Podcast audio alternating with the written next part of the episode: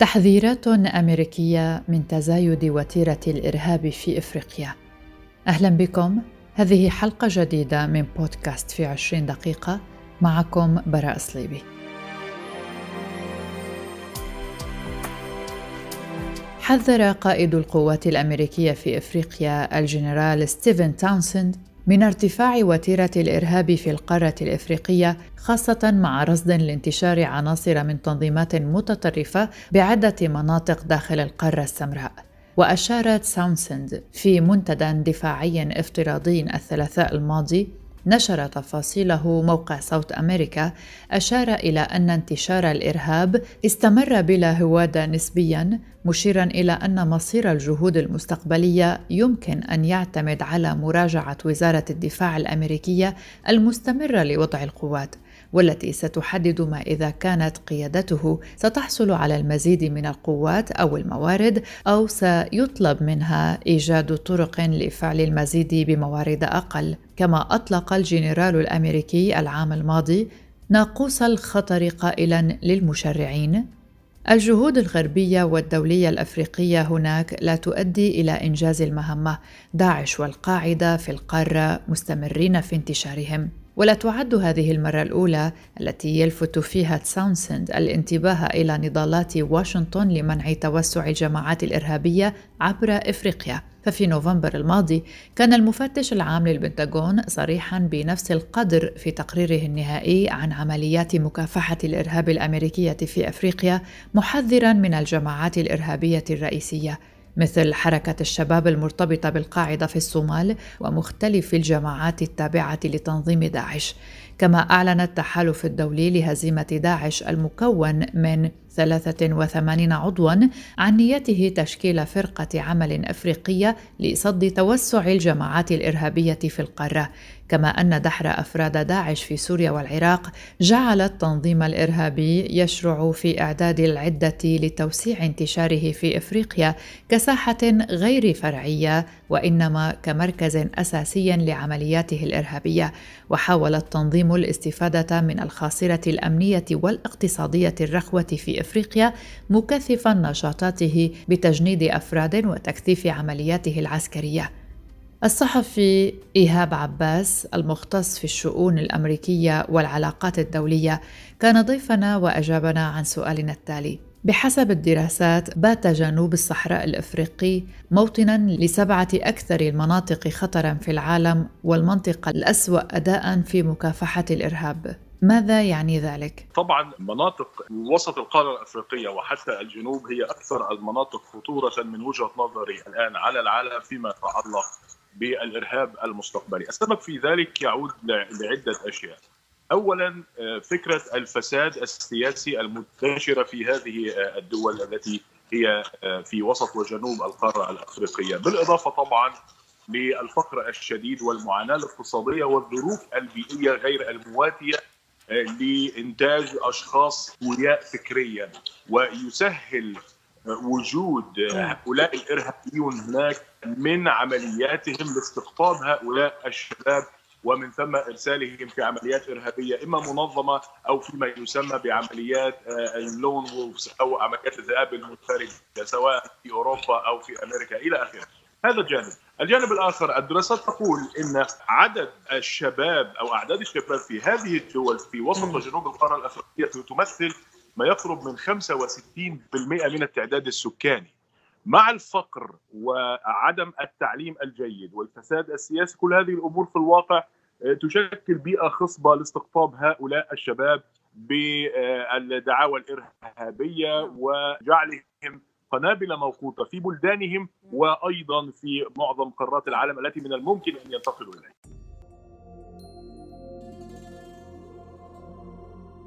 الآن تقوم الولايات المتحدة بتصنيف المزيد من الجماعات على قوائم الإرهاب، فهل ستكون خطة توسعية للولايات المتحدة في هذه الحرب ضد الإرهاب؟ أيضا سألنا هذا السؤال لضيفنا الصحفي إيهاب عباس وأجابنا. آه، يعني آه، وزارة الخارجية الأمريكية ووزارة الدفاع الأمريكية الآن يقومان في هذا الإطار بإعداد ملفات وتقارير آه، مهمة ستقدم للإدارة الأمريكية خلال الفترة القادمة حول أنشطة الجماعات الإرهابية الحالية والمستهدفة المستقبلية التي من الممكن تؤثر على أداء القارة. وبالتالي بناء على هذه المعطيات ستقوم الإدارة الأمريكية بكل تأكيد خلال الفترة القادمة بأن تولي القارة الأفريقية اهتماما أكبر في مكافحة الإرهاب لأنها تعلم ان أن الإرهاب انتقل الآن من الشرق الأوسط عندما تم تطويقه بشكل كبير إلى أفريقيا التي يجد فيها ملاذا امنا، بالإضافة لمنطقة أخرى في العالم وهذا بحث كنت قدمته لإحدى المؤسسات البحثية الأمريكية هنا قبل أيام،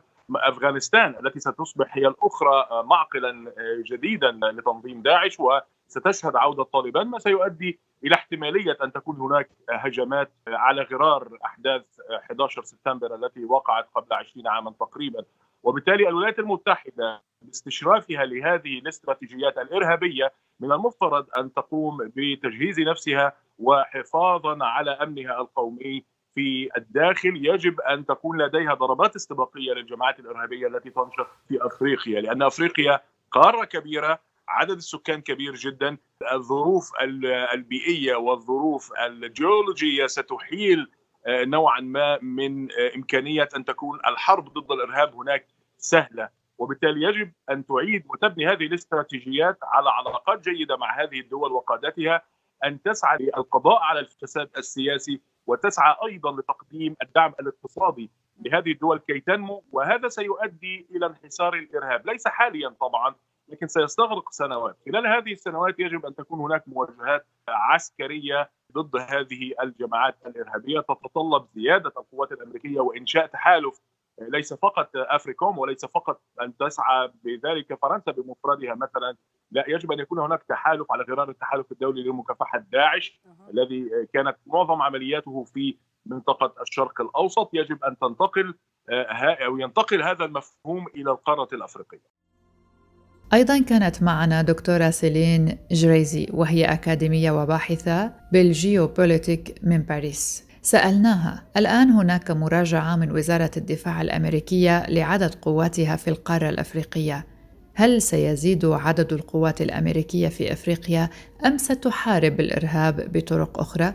أنا من رأيي أن الولايات المتحدة الأمريكية على وجه التحديد هي منشغلة جدا بما يحصل في إفريقيا وقد لاحظنا أنه قبل أسبوع قد تم فتح مكتب لمكافحة الإرهاب في إفريقيا بالرباط بالمغرب وهذا إن دل على شيء فإنه يدل يجب النظر إلى الموضوع بنظرة زومية متكاملة خاصة وأن فرنسا قد قالت هددت بالسحب أو قررت سحب قوات البرخان ولا زال الموضوع يعني قيد الدراسة بين هل سيتم أم لا. هناك أيضا تصاعد وتنامي كبير للإرهاب في المنطقة الذي يهدد مصالح ليس فقط مصالح الدول المجاورة لكن حتى مصالح القوى العظمى التي لديها شركات هناك.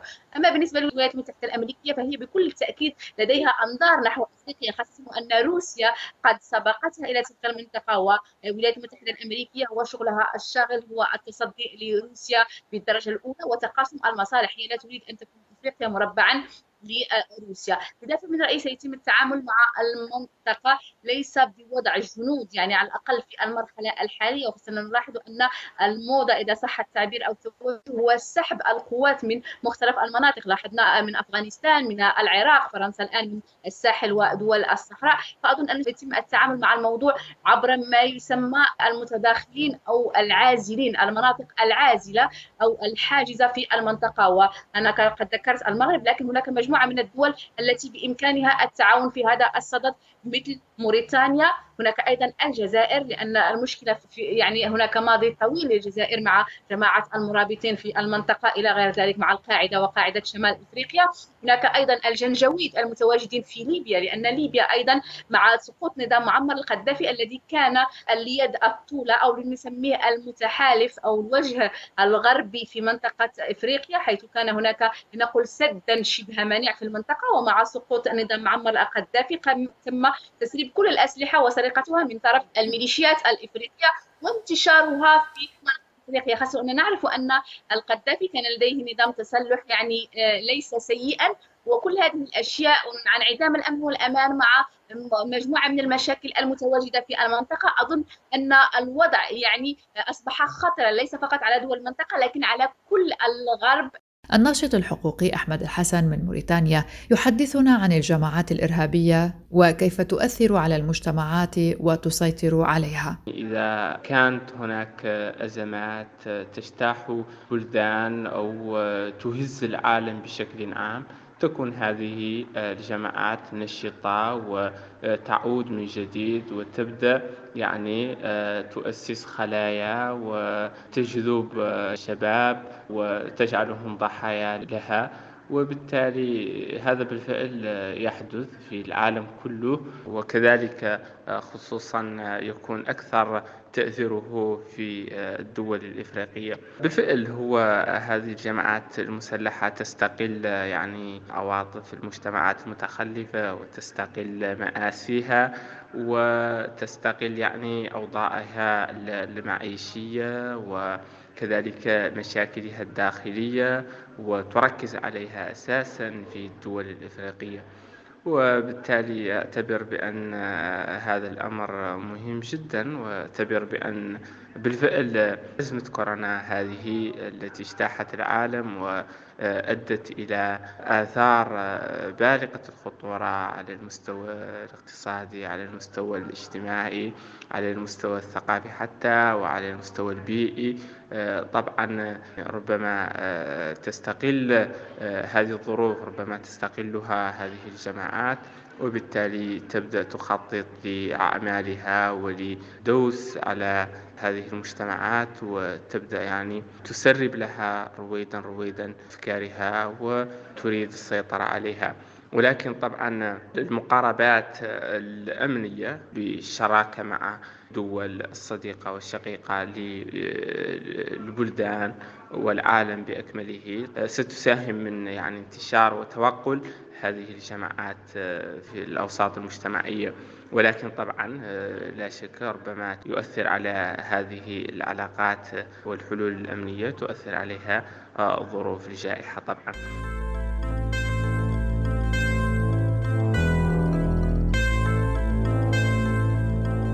في مالي أعلنت فرنسا أنها ستستأنف العمليات العسكرية المشتركة بعد تعليقها مطلع الشهر الماضي عقب ثاني انقلاب شهدته الدولة الواقعة في غرب إفريقيا في أقل من عام واحد.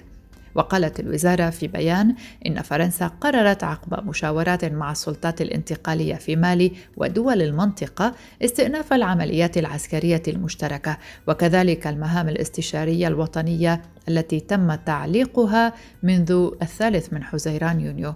وجاء قرار تعليق العمليات المشتركة الشهر الماضي إثر الانقلاب الذي قاده الكولونيل أسيمي غويتا في أيار مايو الماضي. ودفعت تلك الخطوة الولايات المتحدة إلى تعليق المساعدة الأمنية لقوات الأمن المالية بينما علق الاتحاد الإفريقي والمجموعة الاقتصادية لدول غرب أفريقيا إكواس علقوا عضوية مالي. وقالت وزارة الجيوش في بيان لها إن فرنسا ما زالت منخرطة بالكامل مع حلفائها الأوروبيين والأمريكيين إلى جانب دول الساحل والبعثات الدولية لمحاربة الجماعات المسلحة المنتشرة في منطقة الساحل. وفي شأن متصل أعلنت فرنسا أن عددا من قادة تنظيم داعش في الصحراء الكبرى قتلوا أو اعتقلوا في الأسابيع الأخيرة بأيدي قوة برخان وشركائها. أما في إثيوبيا فقد أفادت وسائل إعلام بأن القوات التي استعادت السيطرة على أقليم تيغيري الإثيوبي استعرضت آلاف عناصر القوات الحكومية الأسرى لديها.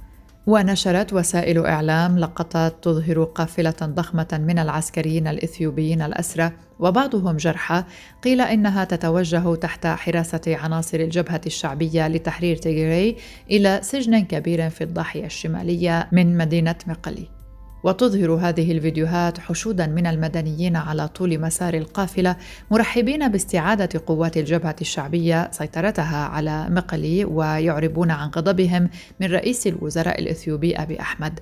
وأفاد بأن قوافل من العسكريين الإثيوبيين الأسرى كانت تمشي على مدى أربعة أيام من معسكرات ميدانية تم إنشاؤها على وجه السرعة إلى السجن الكبير المذكور بعد انتهاء الجولة الأخيرة من القتال في وقت سابق من الأسبوع الجاري بسحب حكومة أديس أبابا قوتها من تيغيري.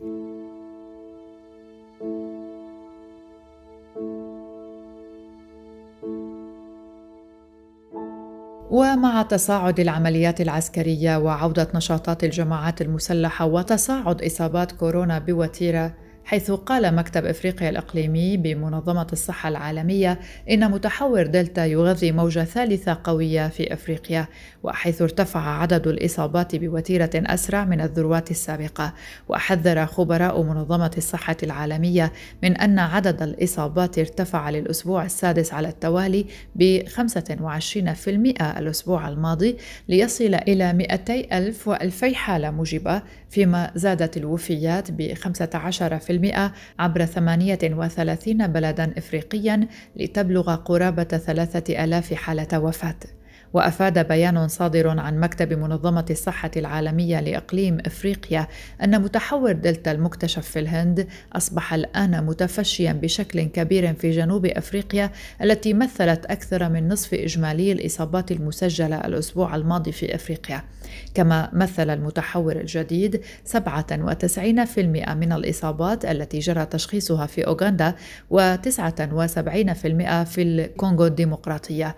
ويبدو أن دلتا يصيب أيضا البالغين الشباب وفقا لخبراء منظمة الصحة العالمية الذين أوضحوا أن دلتا يمثل 66% من الحالات الحادة المسجلة بين شبان تقل أعمارهم عن 45 عاما.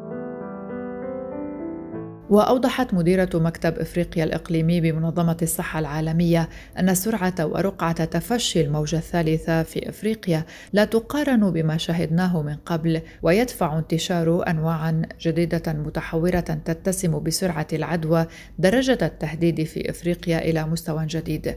والمزيد من العدوى يعني المزيد من الإصابات الخطرة والوفيات وعليه يجب على الجميع أن يتحركوا الآن ويعززوا تدابير الوقاية لمنع الطوارئ من التحول إلى كارثة.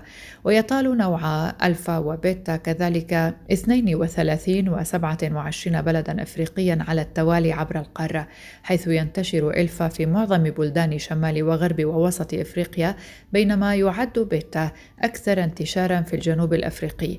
ويتسم كلا النوعين بانتشار أسرع مقارنة مع الفيروس الأصلي.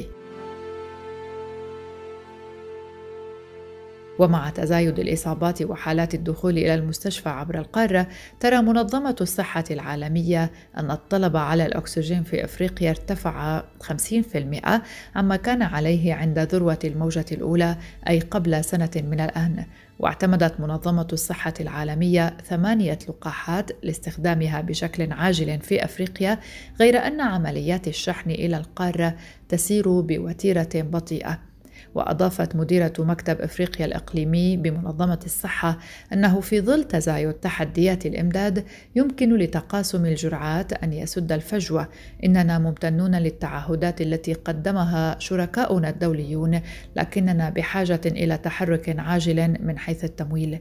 ويجب عدم ترك إفريقيا في براثن أسوأ موجة حتى الآن.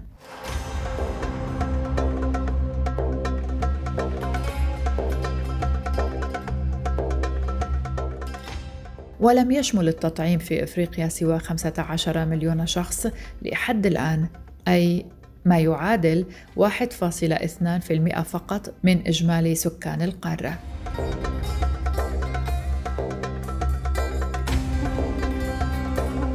هذه كانت حلقة من بودكاست في عشرين دقيقة. شاركتني في الإعداد صديقتي وزميلتي يلا فهد. كنت معكم من وراء المايك براء صليبي. شكرا لكم وإلى اللقاء.